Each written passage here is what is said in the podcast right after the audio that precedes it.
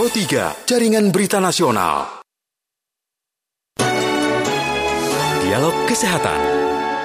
Terima kasih pendengar Anda masih bersama kami dan kini kami ajak Anda untuk mengikuti sesi dialog layanan kesehatan kerjasama Fakultas Kedokteran Universitas Indonesia dan RRI. Dengan tema yang akan kami bahas adalah peranan pencitraan pada gangguan prostat.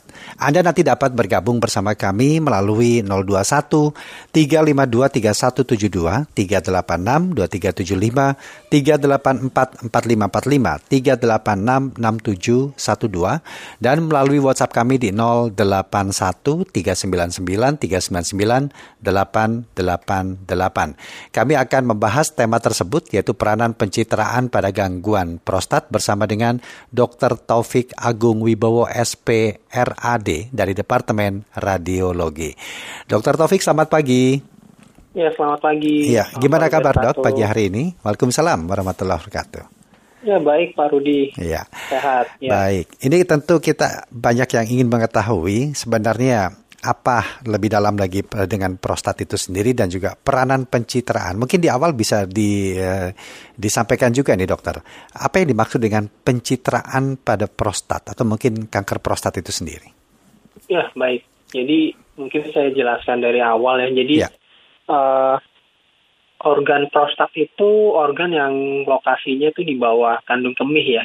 Jadi dia membungkus saluran kemih ya -hmm. yang nantinya akan dilalui oleh uh, baik itu urin ya atau air seni dan sperma. Yeah. Nah, fungsinya kelenjar prostat itu sendiri dia mengeluarkan apa cairan yang sebenarnya untuk uh, membantu hidupnya sperma. Jadi dia kayak ngasih makannya sperma supaya nanti dia bisa hidup sampai nanti membuahi uh, sel telur. Gitu. Mm -hmm. Nah, jadi dalam sepanjang hidup manusia tentunya organ ini bisa sakit. Gitu. Mhm. Nah, sakit yang memang sering diketahui masyarakat umum itu memang uh, namanya BPH ya.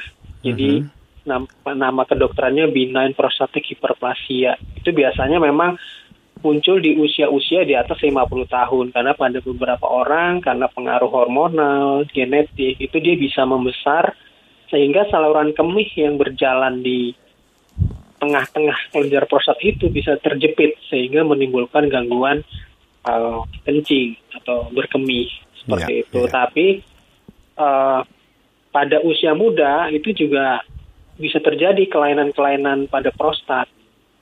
Nah, kelainannya itu apa? Biasanya yang berhubungan dengan peradangan atau infeksi maupun masalah infertilitas seperti hmm, itu. Hmm, baik. Nah, kalau yang dimaksud dengan gangguan prostat itu sendiri, mungkin lebih ke yang seperti apa yang terjadi itu, dok? Oh, baik. Ya, jadi biasanya kalau melihat kelainan itu biasanya di kelompok usia tertentu punya kelainan yang beda-beda. Misalnya tadi saya bilang 50 pada atas, usia ya? muda itu biasanya masalah peradangan infeksi atau hmm. masalah infertilitas. Kalau hmm 50 tahun ke atas itu yang tadi BPH hmm. dan kanker prostat. Oke. Okay. Gitu. Hmm. Ya, dan ad, ada nggak yang bisa dikenali sejak dini mungkin bahwa hal itu akan terjadi atau berpotensi terjadi pada diri kita? Baik, mungkin kita mulai dari yang uh, usia muda dulu ya, Pak ya. Rudi. Jadi ya.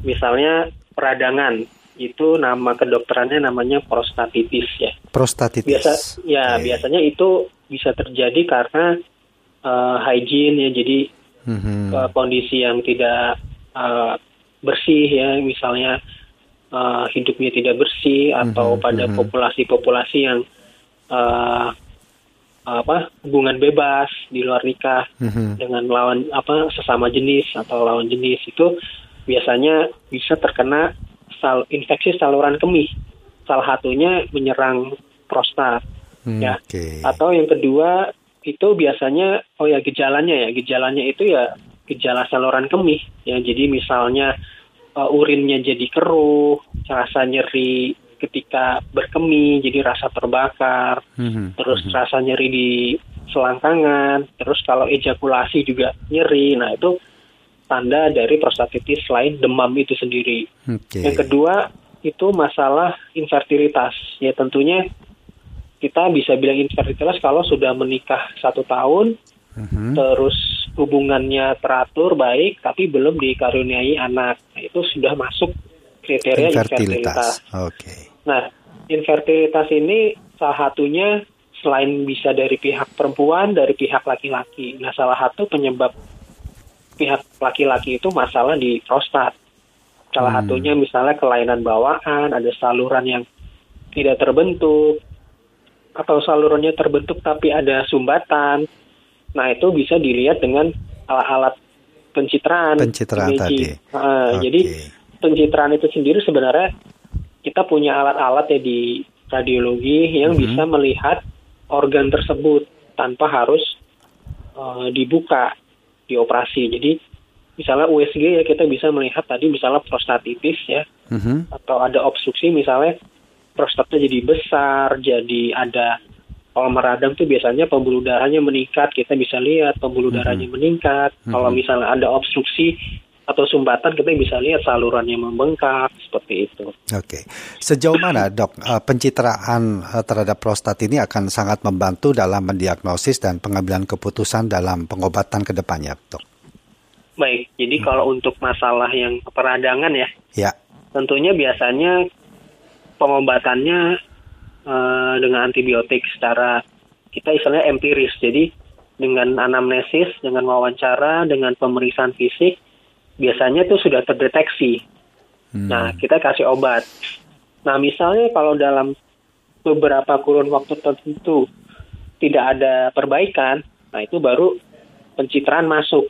Oh, Siapa tahu ada kelainan-kelainan yang uh, di luar itu yang bisa mempersulit uh, penyembuhan atau malah penyakitnya bukan itu, gitu. atau hmm. ada penyulit gitu. Yeah. Kalau misalnya pada orang tua ya, misalnya BPH ya, kita nanti bisa melihat ini sebenarnya sudah hmm. sampai tahap yang masih bisa dengan obat-obatan ya yeah. untuk mengurangi ukuran prostat. Jadi biasanya prostat itu kan di bawah 30 cc ya. Nah, nanti dengan pencitraan tuh bisa Lebih diukur. Oke. Okay. Nah, diukur. Hmm. Ya, ini udah hmm. berapa cc nih? Biasanya yeah. kalau ada derajatnya tuh. Kalau masih 30 sampai 60, yeah itu bisa bisa dengan pengobatan. Oke, okay, baik. Itu misalnya di atas 60 cc itu bisa dengan operasi seperti ya. itu kurang lebih. Ya, ini teman-teman saya di sini pada menyimak terus ini, Dok, dengan apa yang ya. dokter sampaikan ini tentang prostat ini sendiri. Kebanyakannya laki-laki di sini ya, jadi mereka aware banget dengan hal ini. Baik, ya, silakan pendengar. Nanti Anda dapat bergabung bersama kami di 021 352 3172, 386 2375, 384 4545, 386 6712. Dok, kita break dulu sesaat dok ya. Nanti kita lanjutkan kembali untuk mengetahui lebih banyak lagi tentang tema kita, peranan pencitraan pada gangguan prostat. Pendengar tetaplah bersama kami. Dialog layan kesehatan akan kami lanjutkan selepas informasi singkat berikut ini. Kilas Berita.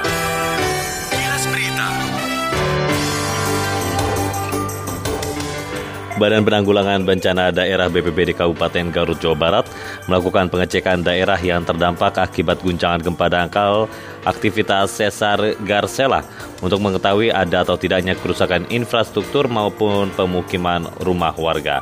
Dari hasil analisis BMKG disampaikan bahwa menunjukkan gempa bumi tersebut dengan kekuatan magnitudo 4,3 berepicentrum terletak pada koordinat 7,27 lintang selatan dan 107,73 bujur timur atau tepatnya berlokasi di darat dengan jarak 19 km barat daya Kabupaten Garut dengan kedalaman yakni sejauh 3 km. Informasi ini dan informasi lainnya dapat diakses di laman resmi kami rri.co.id.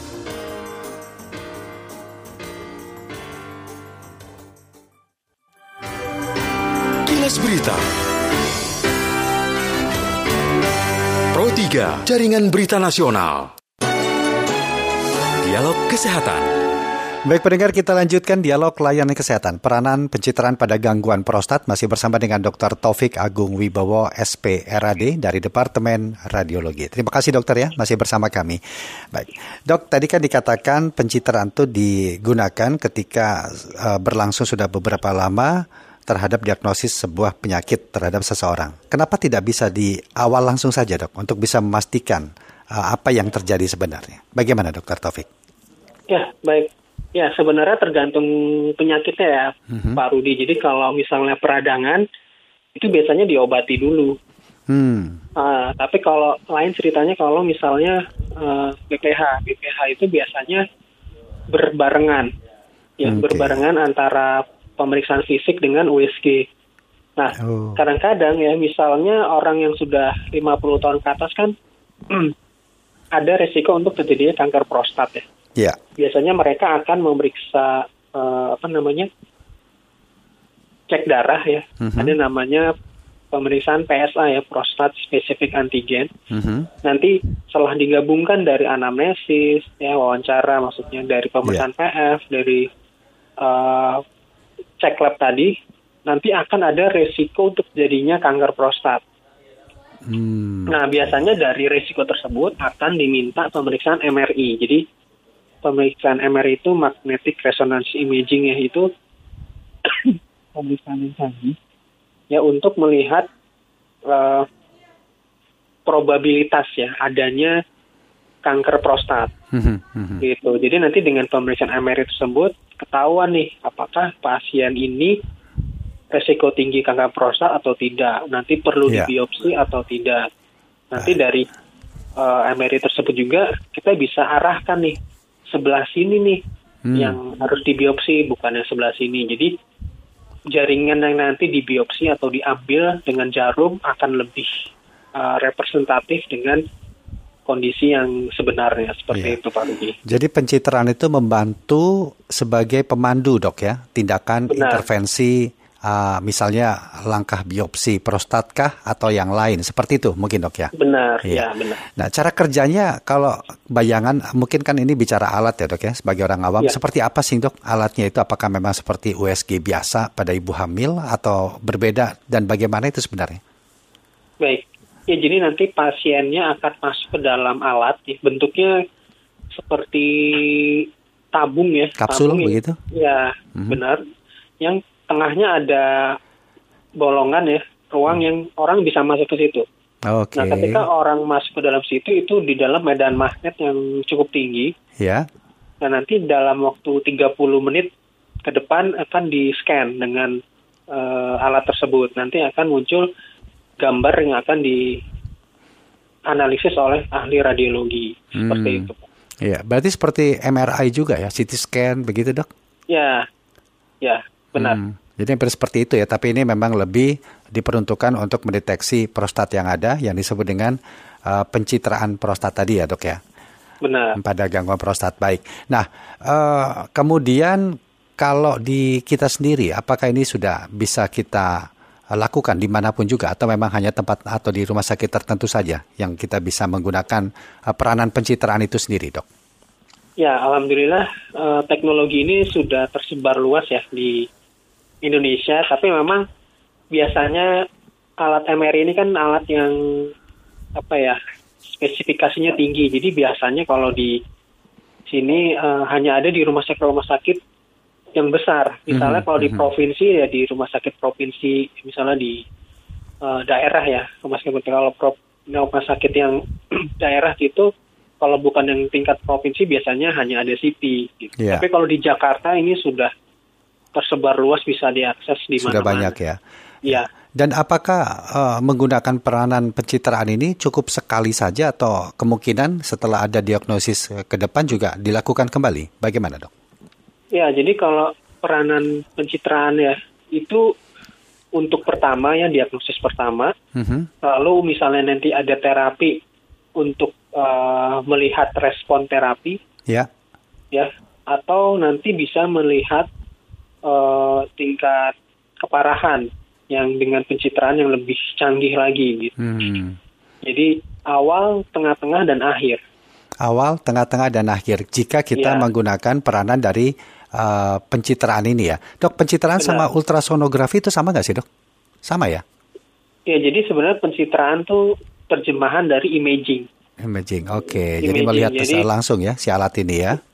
Ya, jadi modalitasnya banyak Pak Budi. Jadi ada USG yang Aha. yang mungkin masyarakat lebih kenal alat untuk periksa hamil. Iya, Sebenarnya, USG, ultrasonografi itu tadi ya. Iya, hmm. jadi bukan hanya itu. Tapi ada. Kalau ada CT scan, ada MRI, oh. dan banyak lagi gitu sebenarnya.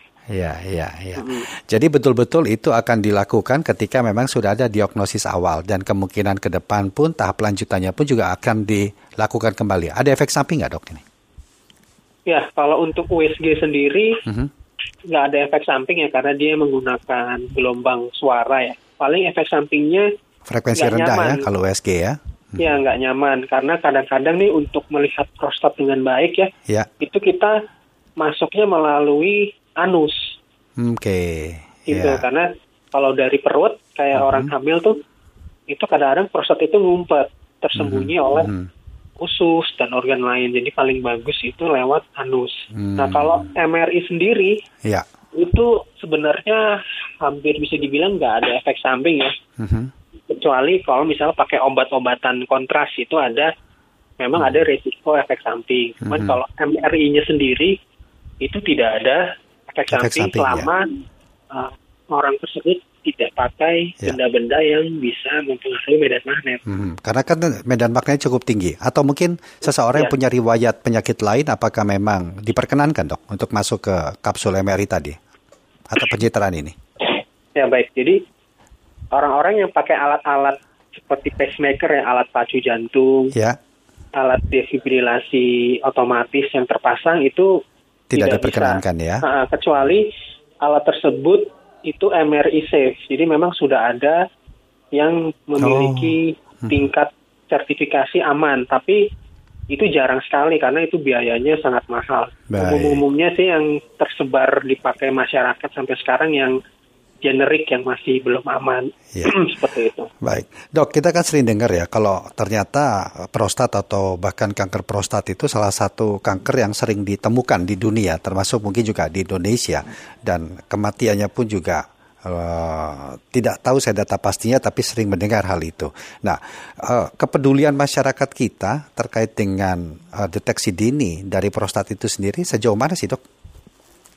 Ya, jadi sebenarnya kanker prostat itu kanker yang paling sering pada laki-laki. Ya.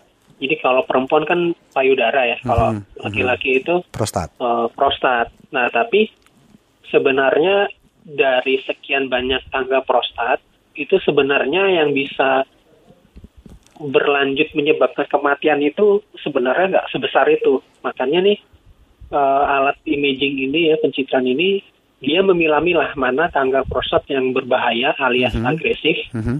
mana yang kanker prostat yang tidak agresif seperti itu. Jadi oh. salah satu perannya pencitraan itu terutama di sini MRI ya itu memilah-milah itu. nah, pertanyaan dengan uh, bagaimana nih program deteksi dini ya, masyarakat dari kanker kita. prostat? Mm -hmm. uh, ya jadi memang lebih aware ya masyarakat, terutama untuk laki-laki yang usianya sudah uh, di atas 50, 50 tahun, tahun ya. jadi uh, lebih baik sih mulai screening. Oke. Okay. Ya, jadi screening uh, penyakit prostat itu mulai dari hidup uh, sehat, mm -hmm. olahraga, mm -hmm. kurangi konsumsi kafein ya kopi, mm. alkohol itu kan mencetus BPH BPH. Kalau kanker prostat ya. sendiri memang ya berhubungan juga kadang-kadang dengan BPH, tapi Baik. apa namanya? Ya intinya screening ya mulai dari cek kesehatan nih dia usia di atas 45 eh 50 ya. tahun. Ya. Nanti kadang-kadang nanti dokternya akan menunjukkan kapan mesti screening dengan tadi yang saya bilang PSA, okay. prostat spesifik antigen seperti Baik. itu. Dokter Taufik, terima kasih banyak sudah meluangkan waktu ya. berbincang dalam dialog layanan kesehatan. Mudah-mudahan ini bermanfaat dan meningkatkan kepedulian uh, kita masyarakat terutama uh, kaum laki-laki nih dok ya untuk bertuli ya. terhadap kesehatannya dan uh, tidak ada salahnya melakukan deteksi dini dari ancaman prostat itu sendiri. Baik dokter, terima kasih. Selamat pagi, sehat selalu dok. Ya. ya, selamat pagi. Demikian tadi Dr. Taufik Agung Wibowo SPRAD dari Departemen Radiologi dalam Dialog Layanan Kesehatan Peranan Pencitraan pada Gangguan Prostat.